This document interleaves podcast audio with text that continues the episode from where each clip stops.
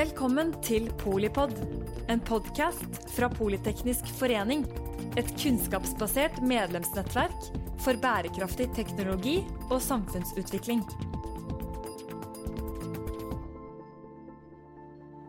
Velkommen til eh, Polipod eh, direkte fra Arendalsuka. Og rett og slett Datakampen. Vi må snakke mer om kampen om data. Da eh, har vi et stjernelag. Eh, det, jeg tenker dere skal få presentere dere selv, sånn at det blir eh, riktig. Og, og, du kan legge på en liten sånn sak om, om bidraget ditt i det vi skal snakke om i dag. Knut? Knut Bjørgaas heter jeg, jobber i Digitaliseringsdirektoratet. Jeg brenner for at data deles, sånn at vi får best mulig tjenester til innbyggere og næringsliv. Liv Dingsøy, daglig leder i Jeg brenner for det samme, pluss at data skal brukes. Nils Ola Widme, næringspolitisk direktør i Abelia. Eh, beklager å si det, men jeg er helt enig i det neste. Eh, det som er sagt. Også opptatt av at eh, vi tenker innovasjon og næringsutvikling når vi snakker om deling av data. Alexander Øynes. I denne sammenhengen så er jeg rådgiver i Norstella. I likhet med de andre er jeg forferdelig opptatt av deling og gjenbruk av data. Eh, og har da også hatt oppgaven på vegne av eh, stiftelsen Norcella å eh, utarbeide en rapport som vi har kalt for 'Kampen om dine data digital tilstand 2022'. Hva står det i den, da, Aleksander? I den rapporten så står det det at 20 år med digital, digitaliseringspolitikk har feila. Veldig kort. Eh, så skal jeg komme litt tilbake til det etterpå, på hva nøyaktig det innebærer. Fortell om uh, hvordan dere har jobba med den i Norstella. og uh, hvordan, uh, altså, Det er jo lett å bla til konklusjonene, men det skal vi komme tilbake til. Hvordan, for det det er, jo alvorlig, og det er store penger det er snakk om. Og det er egentlig ganske enkle tiltak. Dere anbefaler ganske klart også. Det er det. Eh, så vi skal gå litt, litt inn i hvordan vi har jobba med rapporten. Så har vi gått gjennom offentlige datagrunnlag som er fritt tilgjengelig, for, for å se hvordan står det nå til med den digitale utviklinga i det offentlige Norge. Vi har vært igjennom SSB sine tall, eh, som dessverre ikke har SSB har ikke hatt en kartlegging av tall lenger enn ca. 2018 som er interessant i forhold til hvordan data deles og gjenbrukes mellom offentlige virksomheter, og hvordan det brukes i møte mellom borgere og næringsliv. Eh, så vi har sett på de tallene. Vi har sett på tall i, fra såkalte IT i praksis-rapporten, som utgis av Rambøll Management Consulting. Og tallgrunnlaget viser oss det at utviklinga går forferdelig sakte fremover. Den går faktisk så sakte at vi snakker om det at hvis halvparten av tjenestene skal kunne vite hva du heter når du logger deg inn, eh, så er det et sted vi ikke er på før i 2040 med dagens hastighet. Så det her går grusomt sagt det. Vi lever tross alt i en verden hvor bankene har vært digitale i over 20 år allerede. De kommer med tjenester som samtykkebasert lånesøknad, hvor de er klart til å få til et samarbeid gjennom DSOP. Eh, og sørger for å kunne gjenbruke data fra skatt. Da kan man utvikle nye tjenester og forenkle de betraktelig. Flyselskapene er en annen historie. Vi kjenner historien til Norwegian. Nå ser vi Flyr gjøre det samme. Eh, de klarer å gjenbruke data, de klarer å gi oss gode tilbud som forbrukere. Eh, fordi de bygger digitale løsninger som er laga med brukeren i sentrum. Andre områder er jo knytta til overnatting, f.eks. Hotels.com, Airbnb, eh, som er tjenester som har vokst frem de siste årene, og som vi nå, alle, de fleste av oss etter pandemien har hatt glede av å begynne å ta i bruk igjen. Mens på offentlig side så har vi noen store utfordringer. Eh, den tekniske kompleksiteten i teknologien vi bruker, har ikke vært utvikla i takt med forventningene fra samfunnet for øvrig. Vi kan måle kompleksiteten ved å se på hvordan data gjenbrukes. og som jeg var inne på litt tidligere, eh, vi er ikke i nærheten av å få det inn i store deler av tjenestetilbudet. Det offentlige klarer ikke å levere oss de rettighetene vi etter hvert har med hensyn på innsyn i egne data. GDPR ga oss eh, en rettighet til å kunne se alle data som er registrert hos oss, både hos private og offentlige virksomheter. Hos de aller fleste offentlige virksomhetene i dag så er dette en manuell prosess, eh, hvor man, man kan be om et innsyn, og så må mennesker gå gjennom alle datasystemene i kommunen eller i den statlige virksomheten, og se hvor finnes det informasjon lagra om den personen som har bedt om innsyn. Der har de da 30 dager på å gjøre. Hadde vi hatt en digital løsning for det, så kunne vi også åpna for gjenbruk og deling av den dataen, og brukt den til næringsutvikling. Det, der vi er i dag, så er vi liksom på resultatet av generasjonsskiftet av IT-systemer som vi hadde på årtusenskiftet. Da bytta vi fra DOS-baserte systemer til Windows-baserte systemer. Par, noen år senere så la vi til digitale skjema. Eh, 2005 foreslo daværende fornyingsminister Morten Andreas Meyer at eh, man skulle etablere en min side som samla alle data om deg som innbygger, og eh, sørga for at du skulle få oversikt over alle dine tjenester. Det er 17 år sia. Lite har skjedd siden.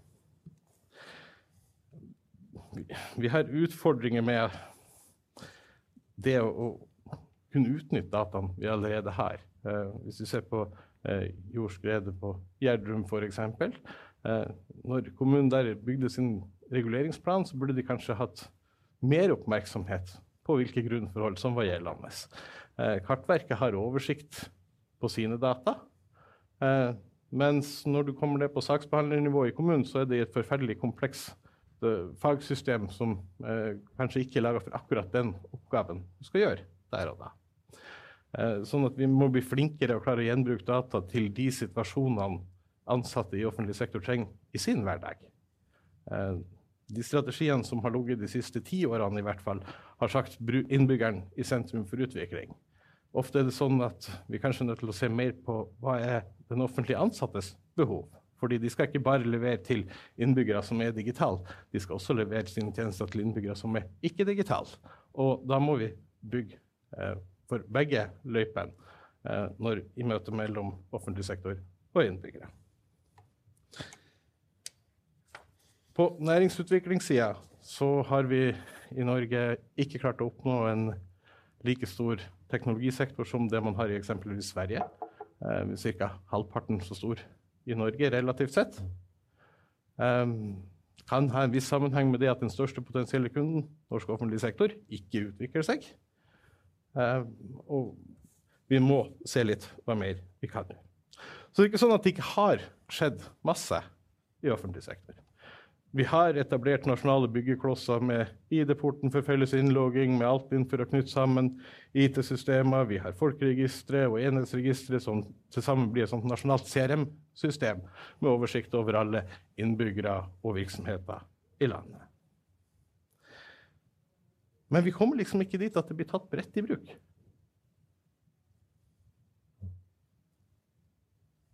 vi forsøker å se hva er det vi kan gjøre med de systemene vi har i dag, for å få de til å bli de nye digitale tjenestene.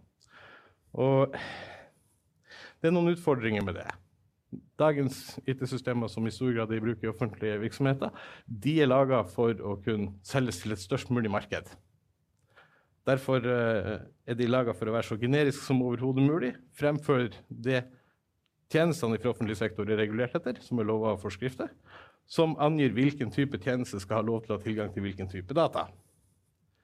Um, og da blir det her litt vanskelig å utvikle med den teknologien vi har fra før. Yes, jeg tror egentlig jeg skal stoppe litt der, og så kan vi ta mer Vi tar eh, altså på det grunnlaget, da, og med den eh, ferske rapporten, og så er det jo litt eh, festlig at noen har kledd seg for anledningen, da. Det er jo som om det var fra eget bryst, ikke sant? Men det er jo eh, interessant å høre, og vi er i Arendal, og det, det er interessant å høre eh, hvorfor burde vi snakke mer om dette når vi snakker om eh, politikk. Og, og, egentlig en sånn runde på første respons på, på grunnlaget. Uh, jeg skal gi Alexander rett i én ting, og så skal jeg være veldig uenig med han i noe annet. Mm. Fordi eh, jeg synes, for å ta det vi er helt enige om Deling av data, der har vi masse igjen. Det er sånn at det er kanskje rundt 25% av offentlige virksomheter som deler sine data med andre offentlige virksomheter, og vi vet at tallet mot privat sektor er lavere. Men i andre enden av skalaen så er det ca. like mange som ikke deler sine data i det hele tatt. Så der har vi en jobb gjøre. Men så syns jeg med all mulig respekt at du svartmaler fordi Når jeg snakker med Tyskland eksempel, og ser på hvordan de håndterte pandemi De har ikke et folkeregister, de har ikke et bedriftsregister. Så brukte de uendelig lang tid på å få ut f.eks. kompensasjonsordninger til bedriftene. Vi brukte tre uker. Sånn at jeg tenker det er viktig når vi skal snakke om dette, at vi gir et eh, riktig bilde av situasjonen. Fordi vi har kanskje den, en av de beste digitale grunnmurene i Europa. Men det vi må gjøre, er jo på en måte å få delt dataene sånn at vi kan få sammenhengende tjenester på tvers av offentlige virksomheter. Og der har vi en jobb å gjøre. Men vi må passe på så vi ikke snakker ned det digitale fundamentet vi faktisk har. ID-porten hadde i 2016 50 millioner transaksjoner. Nå har den 350 millioner og et sted mellom 7 og 10 000 tjenestesteder. Så pass på at vi ikke drar det for langt ned i grøfta. Vi har ambisjoner, da. Mm. Ja, ja, ja, ambisjoner skal vi ha, men vi, vi har et startpunkt, og det må ikke vi glemme. Nei, for all del. Eh, for å svare litt opp på den. For så vidt I Tyskland så har de da folkeregister ikke på et nasjonalt nivå, men på et regionalt. Nettopp. Og da har du ikke et folkeregister. Nei, men hver av regionene er jo større enn Norge, liksom. Så eh, ja, eh, man var jo i stand til å gjøre ganske mye der også. Så, så, så absolutt. Liv, du har både ambisjoner og Jeg vet ikke, det er sett imellom her, eller hvordan Nei, jeg skal ikke så uttale meg mye, mye om å stå i offentlig sektor, altså. Men, men, det som er spennende med dette, altså det du beskriver, er jo veldig Kanskje det er litt sånn introvert. Det er ikke så mye anvendelsesperspektiv kanskje i dette. Kanskje vi kunne snakke litt om det, for det er jo mm. interessant. Mm. Hvordan tar vi denne dataen i bruk? Og det er klart at uh, Da kan vi jo ikke peke bare på en offentlig sektor som er trege, for da handler det jo om mange andre ting. Det handler jo om en mottakerside som skal på en måte ha kompetanse til å forsyne seg av dette her. Det handler om lover og regler, fordeling og, og, og bruk som endrer seg kontinuerlig, og ikke bare drevet fra oss, men også fra EU. Mm. som vi må forholde oss til. Uh, det er noen regler for hva offentlig sektor har lov til å ta seg betalt for i Norge og i andre land, for så vidt.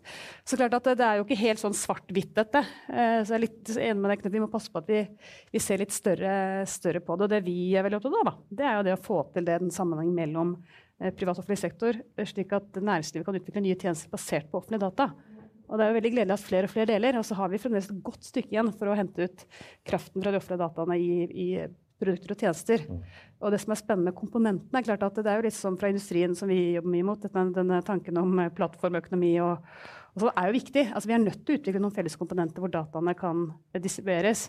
men så må vi klare å jobbe med at det er tjenesteleverandørene som må bygge gode altså si, produkter og tjenester på toppen. Og der har vi et stykke å gå i forhold til næringslivets eh, samhandling da, i forhold til å ta dette potensialet ut. Eh, det kan vi ikke bare legge til offentlig sektor, det må vi klare også som næringsliv. å å jobbe med. Så det er litt sånn, mange, ikke helt svart-hvitt dette. Det er mange, mange, barrierer og mange uforløste muligheter, tenker jeg. Kommer tilbake til uh, hva vi gjør med saken. Ja. Mm. ja nei, altså Svart-hvitt er jo uh, ikke. Det er jo uh, ulike shades of grey her også. Mm. og jeg tror jeg starter med utgangspunktet som ikke handler om data, men om offentlig sektor i Norge. så jeg tror også jeg har fått bevist enda en gang at vi har en utrolig velfungerende og enkel offentlig sektor i Norge. De også som har hatt gleden av å bo i et annet land, eh, trenger ikke å, å si noen nærmere begrunnelse. Går kjempebra i Norge. Men styrken er også en svakhet. Den utrolig velfungerende offentlige sektoren gjør også at det er en eh, tung sektor å snu, fordi de er ganske fornøyd med hva de oppnår, med god grunn. Jeg tror det ligger under her.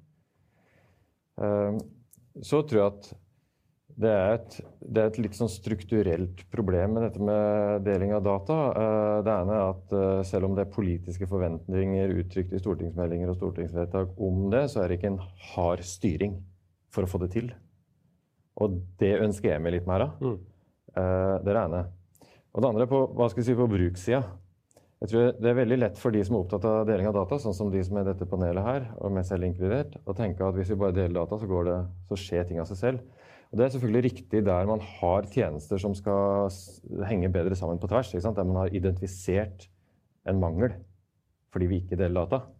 Men det grunnleggende formålet med å dele data er jo at data er en delbar ressurs. Den øker verdi ved bruk. Men den øker verdi ved bruk bare hvis den blir brukt. Og den får ytterligere verdi bare hvis den blir brukt mer og mer. Og mer. Og det krever innovasjon.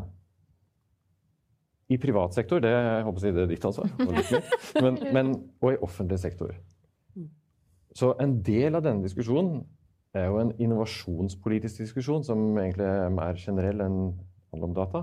Eh, hva er det som skal til for å få de innovasjonsprosessene i gang, sånn at du får et etterspørsel etter dataene som driver fram delingsprosessen?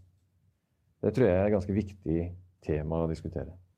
Og jeg har noen synspunkter på det. Ikke det? Men kan jeg si litt om, om uh, IT-sektoren og, og, og dette svartmalinga som du blir beskyldt på for? Og Abelia har lansert uh, noe som heter omstillingsparameter. Måler Norge på mange forskjellige parameter. 80 ulike parametere opp mot 24-29 naboland. Like avanserte land som oss. Alle piler peker enten bortover eller nedover. Inklusive digitalisering i offentlig sektor. Det er en av de pilene som begynner å peke nedover. Så øh, kanskje ikke svart-hvitt. Offentlig sektor fungerer veldig, veldig godt. Men digitaliseringen vår må ta nye steg hvis vi skal henge med. Og næringslivet rapporterer alle som en at offentlig sektor er vanskelig å ha med å gjøre. Det er vanskelig å komme inn, det er vanskelig å ha innovative prosesser. Det er mye å ta tak i. Nå skal jeg stoppe. Det er med kampen om å bruke dataene, da, og, og Eller er det For det, også, det ligger jo også i dette rundt eierskap til de dataene, rundt eh, forvaltningen av dem. Eh, ikke bare delingen, men der hvor det er definert. Men og, og stikkordet rundt innovasjon og bruk handler jo om en verdikjede eller et økosystem. Ja, nei, jeg tror det er, no, det er noen sektorinndelinger her som gjør det litt komplisert. Det snakker vi om. Vi ledet jo eh, arbeidsgruppen som jobber med Digital 21, som er regjeringens digitaliseringsstrategi. Eh, og det er en veldig enkel hovedkonklusjon. Det er krevende fordi digitalisering og databruk er tverrgående. ikke sant? Mm. Men så er vi jo organisert som land, eh, litt sånn sektorvis. Og det, det, er jo en, en, utfordring her. og det, eh, Vi har snakket en del, jeg har vært på en debatt om helse i dag, f.eks. Det vi ser der, at det er ganske, vi blir jo litt sånn introverte i vår egen andam innenfor vår egen sektor. Eh, Nei da. så det kan være litt vanskelig eh, for sektoren å forstå hvor kompleks den virker for noen som kommer utenfra. Mm. Og så messer vi masse med at vi må få til tverrgående samarbeid, at sektoren må gjøre samarbeid på tvers, og næringslivet må inn og privat offentlig samarbeid. Og så gjør vi det fryktelig vanskelig. Og i helsesektoren for eksempel, så tror jeg det var jeg husker ikke, 35 milliarder innenfor e-helse her i 2019, eller sånn, og 12 bare av de brukes i samarbeidsallianse med noen utenfor. Og over 70 brukes bare til interne prosjekter. Og det, og det er altså så fragmentert og vanskelig å forstå hvor beslutningsmyndigheten og makten ligger i, det, i den sektoren. Sånn for et privat næringsliv er det nesten umulig å komme til inngripen eh, og bidra med innovasjon. Og den sektoren ligger veldig langt bak eh, på feltet, eh, rett og slett. Og vi som nasjon er helt avhengig av at de beveger seg raskere. Men jeg tror vi er nødt til å klare å få til et helt annet samvirke eh, mellom, eh, mellom offentlig og privat. Eh, og det, man har jo Helsedataplattformen, men det finnes jo på en måte også infrastrukturer der som er kjempebra. Eh, men vi kommer ikke til. Eh, eller næringslivet kommer ikke ordentlig til. Og innovasjonskraften ofte ligger jo der. I verdikjedene, ikke nødvendigvis hos de store aktørene. Mm. Så det å klare å få til disse gode koblingene og komme seg forbi pilotstadiet For det er veldig få initiativer for å implementere dessverre, spesielt i den sektoren f.eks. Mm. Så vi må se det på finansieringsstrukturer, tror jeg. Både initiativordninger for at det offentlige skal dele mer, men også finansieringsstrukturer som kanskje handler mer om anvendelse uh, av teknologi. Og, og, ikke bare utvikling og pilotering. For å liksom få dette til å rulle. Uh, for det er først når det kommer til anvendelse at verdier skapes. Mm. Ja. Alexander?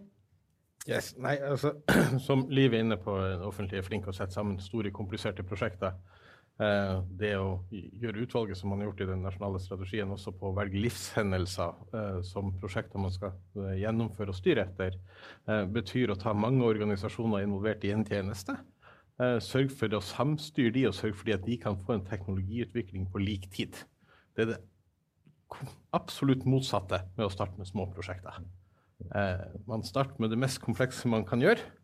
Og i et av prosjektene Dødsfall og arv, så har man attpåtil et eh, direktorat som er ansvarlig for prosjektet, som ikke har noe maktmyndighet overfor noen av deltakerne. Eh, det å lage en styringsutfordring eh, fremfor å utvikle tjenester hos de enkelte offentlige aktørene først, som, kan, som er på en sånn generasjon teknologi at de senere kan knyttes sammen med de andre aktørene. Så vi begynner liksom i feil ende. Eh, og det er jo litt sånn Jo, deling av data er fint, men det handler egentlig om hva skal arbeidsdagen være for de offentlige ansatte? Hva betyr det å ikke få samla inn all informasjon du trenger for å kunne behandle en sak automatisk, versus å gjøre det manuelt? Eh, jeg var med og utvikla en tjeneste som heter motorferdsel.no, som også er omtalt i rapporten.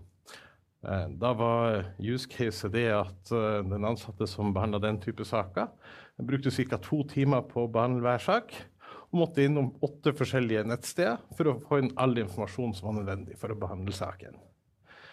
Ved å trekke inn dataene automatisk i stedet, for enkelte for saksbehandler, så kom vi ned til at han brukte 20% av tida på det han opprinnelig gjorde. Eh, det potensialet på de fleste saksområder innenfor norske kommuner, i hvert fall. Da er det ikke så rart at to av tre innbyggere begynner å miste tillit til offentlig sektor fordi man ikke er innovativ nok. Eh, vi er ti år bak der vi burde være. Altså, Aleksander er jo eh, frempå. Altså, bra er ikke godt nok. det er klart. Men Knut? Nei, jeg tenker det at uh, Jeg syns diskusjonen er mer interessant nå fordi vi på en måte har etablert at at vi er på en måte, vi er et stykke på vei, og så har vi mye, mye, igjen å gjøre. Og Jeg vil ta et par ting. For det første, så, Når Nils Ola sier at det bikker litt ned, så er jeg egentlig enig med deg. Fordi eh, Skate, altså direktøren i, i, statlig kommunal sektor, sendte et brev rett før sommeren der de sier at vi er bekymret for grunnmuren. Mm. Vi er bekymret for fellesløsningene for at de er underfinansiert. Mm. Så det må vi sørge for at hvis ikke det funker, da har vi ikke noe data å dele. Så, så enkelt er det. Og så er det noe med det som vi snakker om, med den styringsutfordringen. Ikke sånn Skal vi bygge tjenester på tvers av virksomheter i offentlig sektor? Og det må vi. Fordi at veldig mange av disse tjenestene utføres jo både av stat og kommune i et samspill. Da må vi på en måte både ha regulering som gjør at vi må dele data, styringssignaler, men det må også finnes insentiver, for det å dele data koster faktisk noe penger. Mm. Og det er helt uavhengig av om de deles med offentlig sektor eller med næringslivet. Mm. Og så må vi forstå at det tredje at vi må forstå at det at dataene er tilgjengelig, ikke nok for norske SMB-er, som vel er 90 et eller annet prosent. Sant? De må også kunne ta de i bruk. Og SMB er små og mellomstore små bedrifter. Og mellomstore bedrifter mm. Sånn at det er noe med at den, den Sørg for god, et godt fundament, og at det forblir et godt fundament. Sørg for at det finnes pisk og gulrot for å dele data. Fisk alene funker ikke.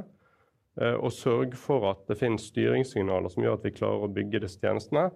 Og gjør litt mer enn å bare gjøre dataene tilgjengelig. De må liksom ut og i bruk. Det er da de skaper verdi. Jeg, veldig enig i det du sier nå. Det, det, er jo eh, nettopp for å hjelpe næringslivet til å ta i bruk dataene. Det er utrolig fint at uh, vi har Digital Norway, den jobben dere gjør. Så så det, det, er mye Det er mange ting på gang her som kan eh, i, om noen år se ut som liksom starten på en eksponentiell utvikling. Vi kan håpe. Men øh, jeg syns helse versus valg av livshendelser er en ganske interessant problemstilling som du peker på. Du, jeg er helt enig med hopper, Man hopper rett inn i et styringsproblem, og så peker man ut noen til å ta den styringsutfordringen som ikke har skikkelig makt over de som skal styres da, da, vil det ta lang tid.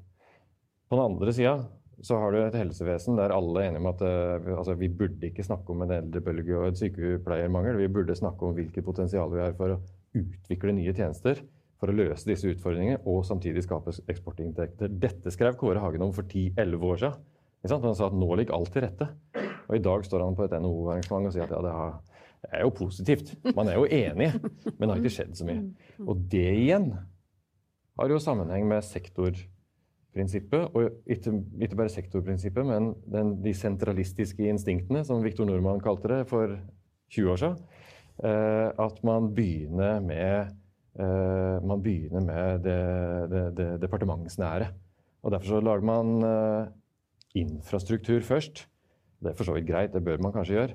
Men man starter ikke også med å styre i retning av å få mer innovasjonsprosesser ute i møte mellom tjenesteleverandør, bruker og teknologiselskap.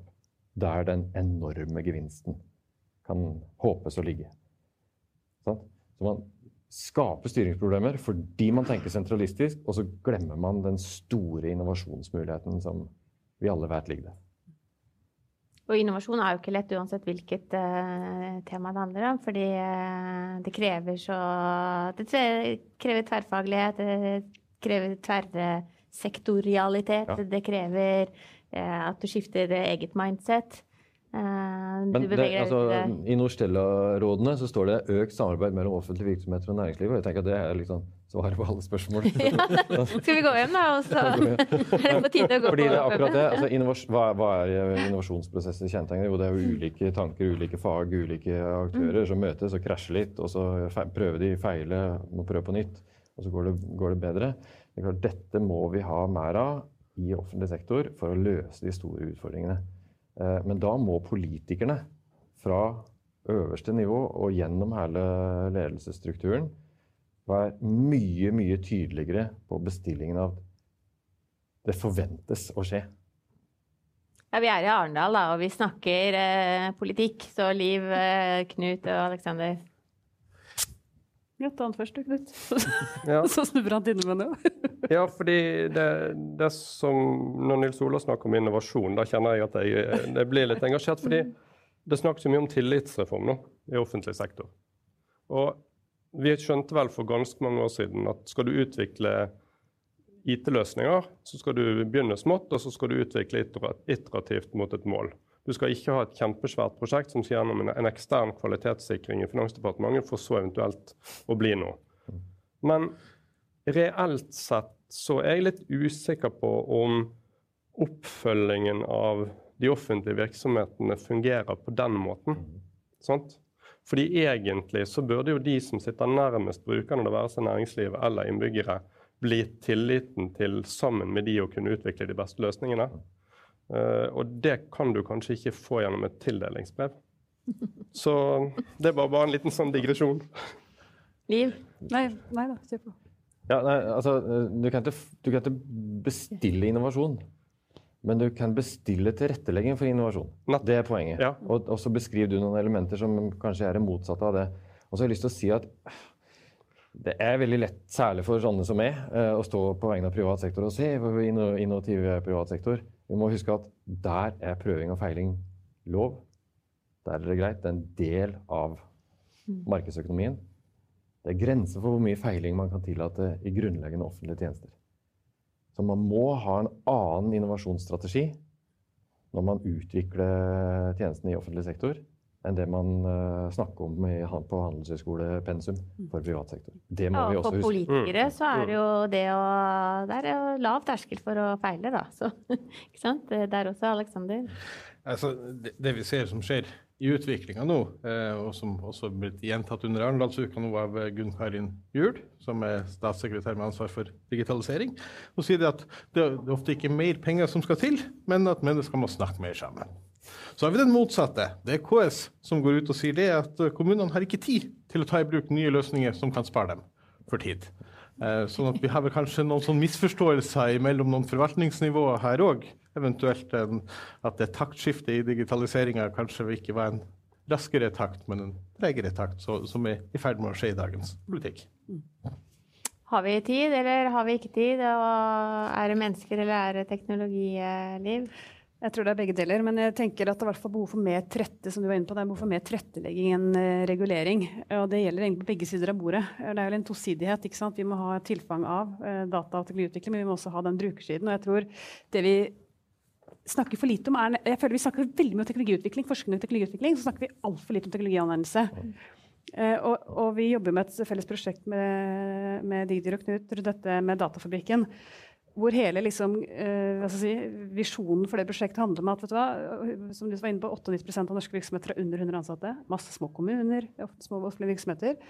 Det å dele data og ta bruk teknologi det innebærer et hav av barrierer. Det er regulatoriske, det er juridiske, det er kompetansemessige, det er tekniske, det er forretningsmessige det, det er bare sant, en sånn helt uovervinnelig krattskog som jo disse virksomhetene har ikke sjans til å finne løsning på dette på ikke sant? Eller vært veldig dumt da, om 200 000 små virksomheter skulle funnet løsning på dette hver for seg. Og det er litt sånn at vi tør å satse på nasjonale, skalerbare, eh, komplementerende løsninger som kan tas i bruk av flere. Ikke for å gå i konkurranse med det private markedet, men de der helt grunnleggende barrierene. At vi finner noen gode fellesløsninger for det. Og det er ganske krevende. Det er utrolig mye eh, regulatoriske spissfindigheter som liksom oppstår i ulike deler av denne verdikjeden. Og jeg tror det ligger veldig mye innovasjonskraft begravd i ulike juridiske avdelinger, både i privat og offentlig sektor. Jeg, men jeg føler at det er en, en, en, en et, et, ønske om å få dette til. Virkelig. Mm. Eh, men så ser vi at uh, det er ikke bare eh, altså vilje, men det, det, handler også om evne. Og det er ikke sånn at alle disse offentlige virksomheter vet hvordan de skal gjøre dette.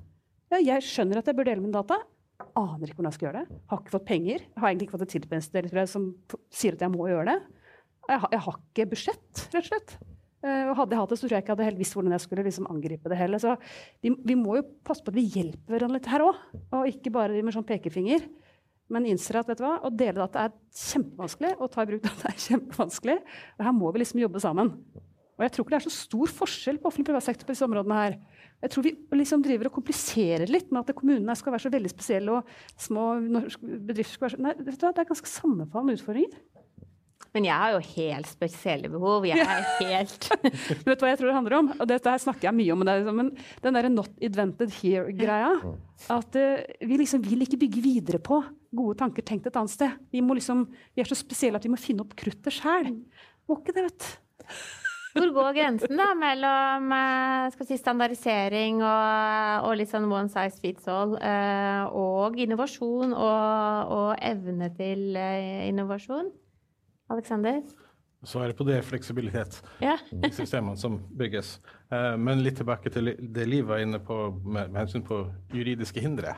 I 2019 eh, var det vel, så bygde vi Norstella en eh, rapport knytta til hva, hva, som er juridiske hindre i forhold til deling av data og i, for å digitalisere det offentlige tjenestetilbudet. Og Hovedkonklusjonen er at det er svært lite. Uh, enkelte lover har fortsatt noen begrensninger i seg som krever en fysisk underskrift. Men utover det så er det fint lite som hinder i det offentlige i å dele data. I hvert fall imellom seg og i dialogen med innbyggere og næringsliv. Fint lite i form av at det, det, du havner ikke i retten, liksom? Fint, fint lite i, i, i Nei, det, jeg husker ikke antallet på antall tjenesteområder som krever en fysisk signatur, som var de største mm. hindringene funnet. Eh, så, men, men, det er det. Eh, ellers så er det ganske så åpent. sånn at når man maser om et digitaliseringsvennlig regelverk, så har vi det allerede i veldig stor grad. Og så er det enkeltområder som er forsømt. Eh, men de kommer nok ganske fort etter. Eh, så, sånn at det her er mulig å gjøre. Det har vært mulig veldig lenge. Eh, men det er ingen insentiver for å faktisk gjøre det. Det er politikk som sier at vi skal gjøre det, og så følger det ikke med ressurser for å få det til å skje. Og da skjer det naturlig nok ikke. Jeg kjenner meg ikke helt igjen. Når Skate ga sitt høringssvar på ny forvaltningslov, så var altså disse store offentlige og kommunale, altså statlige og kommunale virksomhetene, så var vi veldig tydelige på at i forvaltningsloven så ligger det noen ganske store hindre. Spesielt når du begynner å snakke om deling tverrsektorielt. Innenfor en sektor og et domene så er det enklere å få til. Men Norge er veldig sektorisert, så deling på tvers, altså ideen sammenhengende tjenester på tvers av sektorer, er lovmessig vanskelig å få til. Jeg kan ta et helt konkret eksempel. Kommunene har bedt om å få inntektsopplysninger fra skatteetaten. Hvor lang tid tror du det tok?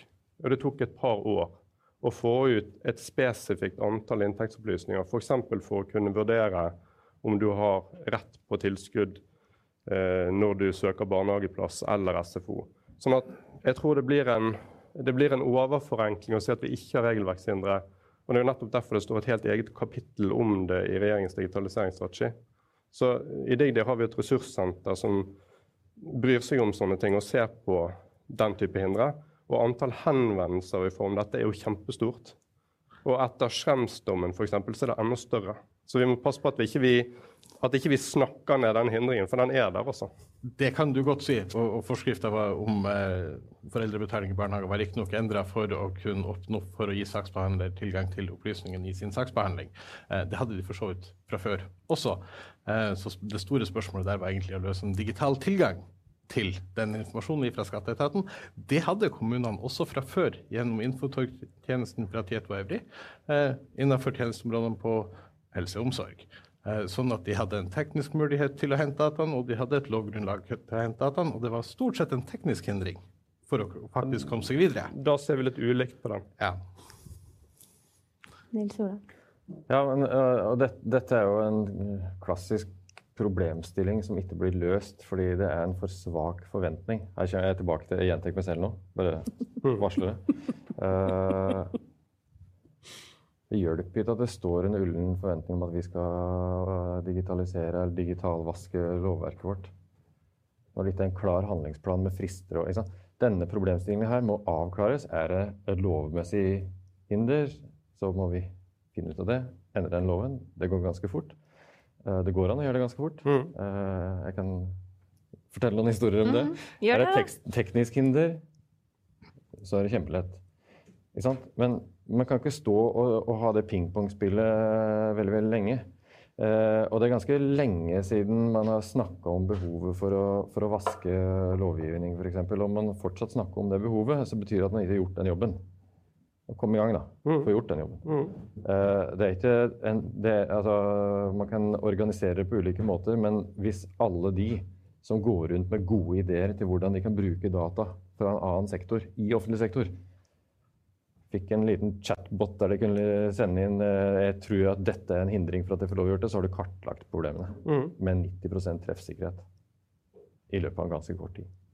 Og så lager du en lovprop, og så er det ferdig. Det, altså, man må, man må, ha tempo i disse tingene. Men det er fordi at det er ikke politisk prioritert nok. Det er politisk prioritert, men ikke nok. Det kan være enig i. Ja. Men vi, vi måtte jo f.eks. gå inn og endre arveloven for å kunne levere på deler av dødsfall og altså livshendelsen.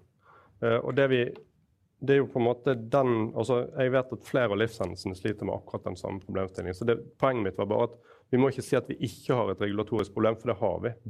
Og så er jeg helt enig med deg, det må vi løse. Og så er det mye enklere å løse det konkret når vi står oppe i problemstillingen, istedenfor å gjøre det til et generisk problem. Sånn at jeg heier litt på de der OK, vi har et problem med arveloven i dødsfall. Da fikser vi det. Mm. Men vi må ikke si at vi ikke har et problem, for det har vi.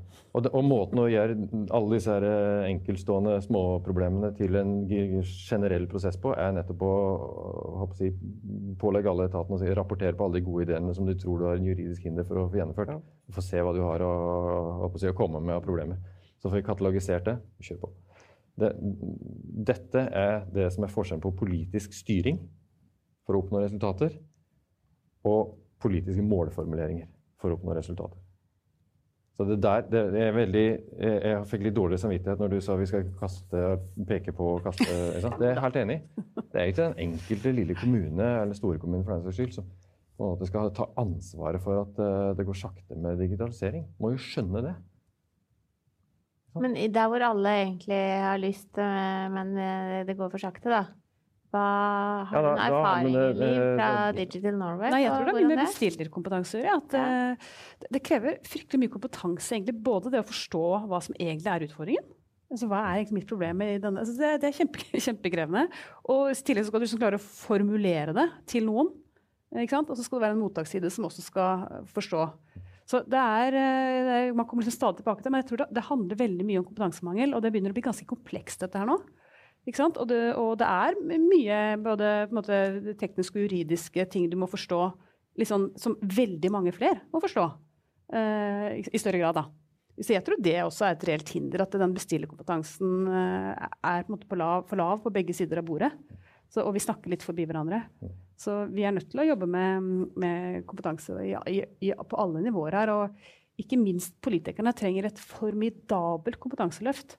uh, for å virkelig forstå uh, både kraften i teknologi og data, men ikke minst hvordan dette kan gjøre at vi faller fortsetter å falle i forhold til barometeret deres uh, bak, fordi andre land fosser frem. Og det er litt sånn typisk at når du har vært first mover, da, så blir du litt sånn fat and lazy. Nå ble det mange engelske ord her, men altså, det kan jo være litt sånn, da. ikke ja. sant? Og så kommer andre land og bare liksom hopper over ikke sant? og er liksom forbi. Og så er vi liksom fornøyde, og vi har så digital moden befolkning, og vi har så høy tillit til befolkningen. Alt ligger til rette for at vi skal lykkes. Jeg, har hørt det sagt 10 000 ganger her i disse dagene. Jeg snakker liksom med Jon at vi blir helt sånn handlings... Litt sånn Vi er så fornøyd. Hvordan eh, Er du sulten, Knut? Jeg er kjempesulten. Nå, nå spilte livet opp litt. Fordi at nå kommer det det kommer datalovgivning fra EU som kommer inn i norsk regelverk fordi vi er med i EØS på løpende bånd. Vi får åpne datadirektivet, vi får Data Governance Act, vi får Data Act, vi får AI Act, vi får whatnot. Og Hvis ikke vi implementerer det på en smart måte, så underminerer vi egentlig hele det vi står og snakker om her i dag. ikke sant? Fordi Norge har en historie på å være god på å forvalte ressurser. Men det er, for, det er, ressurser vi kan se. Det er vannkraft, det er olje. ikke sant? Nå skal vi forvalte noe vi ikke kan så mye om, nemlig data. Og Jeg er redd for at vi på en måte gir fra oss gullet vårt. fordi, Ta et helt konkret eksempel. da.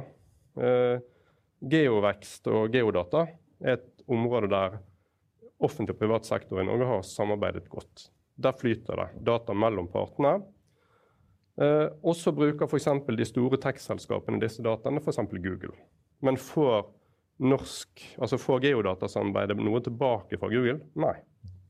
Så da gjør vi egentlig, når vi bygger opp på en måte noe nasjonalt, som vi sier at nei, dette er åpent og fritt tilgjengelig, og så kommer de store tech-selskapene og så cherrypicker de dette. Vi må passe oss nå så ikke vi holdt på å si, kaster det gode utgangspunktet jeg mener at vi har, ut gjennom vinduet altså babyen ut med badevannet. Fordi nå må vi sørge for at det, det, norske digitale fundamentet og de norske dataene faktisk skaper næringsvirksomhet i Norge som gir skatteinntekter til Norge, og ikke ut av landet. Det er jeg litt opptatt av. Dette har jeg lyst til å kommentere. Ja. Fordi eh, det er jo eh, åpenbart eh, lett som enhver norsk borger å, å være enig i det siste. Men har Norge tapt noen skatteinntekter på at Google får bruke de dataene og tjene penger et annet sted? Svar kolon nei. Har vi tapt noe dataverdi på at dataene brukes av noen utenfor Norge til å innovere og gjøre noe som skaper tjenester for kunder et annet sted? Svar kolon nei. Er den dataen, dataen brukt opp? Er den sløst bort av at Google har Nei, selvfølgelig ikke. Og hvis svaret er noe annet enn nei, da må noen av de som forvalter de dataressursene, skjerpe seg. Er det Men, du som må skjerpe deg? Nei, jeg tror ikke det. For jeg er egentlig alt du sier kolon nei på. Men det er ett kolon ja. Okay. Og det er at skal Google levere tilbake igjen sin verdiøkning av de dataene til Norge, svar kolon ja. Og, og det eh, kan godt det, handler, det, er jeg enig med deg Det er jo liksom eh, tilbake til vår gode eh, ressurs, oljen. Mm. Det fiksa man jo veldig lett. Man sier at Vi bestemmer lov, all olje under bakken, statens eiendom. Privatrettslig eiendom.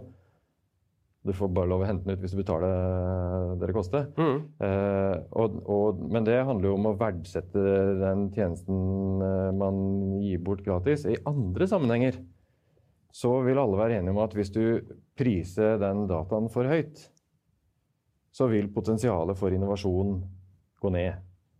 Og det er jeg redd for, da. Det er, det er, veldig, altså, det er fryktelig mange teknologidebatter i Arendal som konvergerer rundt de globale gigantene. Og de er slemme. Personlig er jeg stor fan av de globale gigantene. De er vanvittige innovasjonsmaskiner. De har gjort livene våre utrolig mye bedre enn de var bare for ti år siden. Også er det noen skadevirkninger, for all del. Men de koster jo ikke innovasjon i Norge. Det at man innoverer på disse dataene et annet sted, betyr ikke at man taper muligheter til å innovere i Norge. Med mindre man selvfølgelig hadde tenkt å innovere akkurat den tjenesten som Google eh, lager på en bedre måte. Men det er markedsøkonomien. Sånn er det. Så la oss si altså, Jeg er ikke noe, jeg stor tilhenger av innovasjonsmaskiner som Meta, Google, Microsoft og disse andre store aktørene. Eh, jeg undervurderer ikke potensialet for markedsmisbruk når du er stor og sterk. Det ser oss også på store og sterke norske bedrifter og sett i alle år. Men det at de greier å innovere, er ikke et problem. Altså. Det som er problemet, er at vi ikke greier å få nok innovasjon i Norge. Fra norske selskaper. Der gjør jo du en jobb, da. Men hvis vi hadde hatt en skikkelig ambisiøs politikk for å skape teknologidrevet vekst i norsk økonomi. Sånn som Abelia ber næringsministeren om å få fart på. Da hadde vi begynt å diskutere det. Hvordan skal vi få fart på den innovasjonen? Ikke bare hvordan skal vi dele data, men hvor skal vi fart på innovasjonen? Alexander, du må bare gå inn, eh, du må kommentere og gå inn for landing med en runde på alle i forhold til hva OK, problemet er der, vi er ganske gode, men, eh, men, de andre er enda bedre. Og hva gjør vi? Hva, hva, er det første som uh, vi tar med oss av gode råd. Kom litt tilbake til det. Først en kommentar knytta til utviklinga også. FN beregner at vi kan redusere klimautslipp med ca. 20% ved å digitalt transformere mm. våre tjenester. Det mm. gjelder også offentlig sektor. 20% er rimelig brukbart, det. Vi har under 7,5 år igjen til 2030. Og vi har et tiltak som vi knapt benytter. Noe annet som også skjer i 2030, er det at for første gang så har vi flere over 65 år i landet enn vi har mellom 0 og 19 år i landet. Sånn at vi går fri for arbeidskraft. Eh, hvis vi ikke snart begynner å gjøre noe, så eh, eh kommer vi til å få større utfordringer enn nødvendig. Så til hva vi skal gjøre, eh, så handler det om å prioritere utviklingsarbeid. Eh, igjen når KS går ut og sier at kommunene har ikke tid til å ta i bruk nye løsninger som kan spare dem for tid. Og politisk nivå går ut og sier at eh, det er ikke mer penger som er nødvendig, det er det at folk snakker mer sammen. Så, så har vi en sånn dialogutfordring der som ærlig talt bare må løses. For da skjønner man ikke hverandre sin virkelighet, i hvert fall. Yes. Ja, nei, eh, for meg så er det innovasjon som er svar på de fleste spørsmål. Eh, jeg har flere ting som er svar på de fleste spørsmål, men mhm. innovasjon er en av de. Vekstkraft i privat sektor er det som må til framover for å løse de store samfunnsutfordringene, både klima, eldrebølge, alle de andre store spørsmålene. IT-sektoren. Og IT er drivkraften i den veksten som skjer i norsk økonomi i dag. Det har vært det i mange år, og det satser vi ikke på. Deling av data er en utrolig viktig komponent for å få den farten opp, eh, men det er ikke nok. Og For å få den delingen av data til å bli skikkelig bra, bra næringsutvikling, bra tjenesteutvikling, så trengs det tydeligere vilje fra toppledelsen i departementene og politikere. Ja, og det er tilbake, ja og mobiliseringsutfordringen, dette skjer jo ikke av seg selv. Det må ledes. Og så det er noe med at ansvar og mandat må tydelig plasseres. Men så må vi være, snakke mer om at dette med utvikling og gjennomføring og drift, der er det en hav av aktører som skal mobiliseres inn. Eh, og det å være bedre på å få det til i praksis i mange sektorer, der har vi en, en eh, lang vei å gå. Så jeg tror det privat-offentlige samarbeidet kjempeviktig. Jeg tror forskningen må få mye større plass. Eh, leverandørene må aktiveres i mye større grad. Og så tror jeg dette med eh, internasjonalt samarbeid må løftes mye høyere. For EU kommer som et godstog. De gjør masse bra. Mm. Og det tvinger oss til eh, å agere, men vi eh, henger liksom bakpå. Og vi må klare å fatte beslutninger, også politisk, mye raskere eh, enn vi gjør i dag. Yes. Ja, altså, jeg, jeg, er helt enig med de to sistnevnte, men det som jeg har lyst til å legge til, litt, er at jeg tror at hvis ikke vi gjør den satsingen som gjør norsk næringsliv i stand til å bruke de dataene vi faktisk har ganske mye av, og offentlige virksomheter er i stand til å levere de, så vil på en måte de store tech-selskapene vinne over det norske næringslivet, for de får ikke den muligheten. Det er det ene. Det andre er at jeg tror data er helt avgjørende for å løse klimautfordringene. Altså Bare se på havet. ikke sant? Da skal vi løse havutfordringene, så trenger vi havdata. Vi trenger det for å bygge ut uh, havvind, vi trenger det for å kunne ha rene hav. Det tredje er at vi er i en geopolitisk situasjon der jeg tror vi skal passe litt mer på dataene våre på en god måte, fordi at vi er nødt til å ha en demokratisk kontroll over de dataene når vi ser på hva som vokser opp rundt oss. Eh, og James Bond har på en måte forlatt de litt sånn eh, dulge, dulge bakgatene og så har den gått inn i datasentrene. Så det med på en måte datasikkerhet og det at vi sørger for at disse dataene ikke flyter ukontrollert, det er jeg ganske så opptatt av. Så demokratisk kontroll over data er et tilleggselement. Tre bekymringer med antageligvis eh, tre oppsider. Ja, det var ikke tre bekymringer, det var tre potensialer, vil jeg si. ikke sant. Ja, ja. Veldig bra. Tusen takk, eh, Knut Bjørgaas, eh, direktør for strategi og samhandling i mm. Digitaliseringsdirektoratet. Til Liv Dingsør, daglig leder i Digital Norway. Nils Ola Vidme, som er næringspolitisk direktør i Abelia. Og Alexander Øynes, som er eh, digital rådgiver i eh, Norstella, bl.a. Og så vil jeg også si takk til deg som hører på, ser på, eh, for at du bryr deg og, og kanskje har fått noen gode råd på veien om å bli en bedre digital bruker, for de, de dataene du genererer Bare den siste tre kvarters eh, samtalen her er uendelig mye verdt.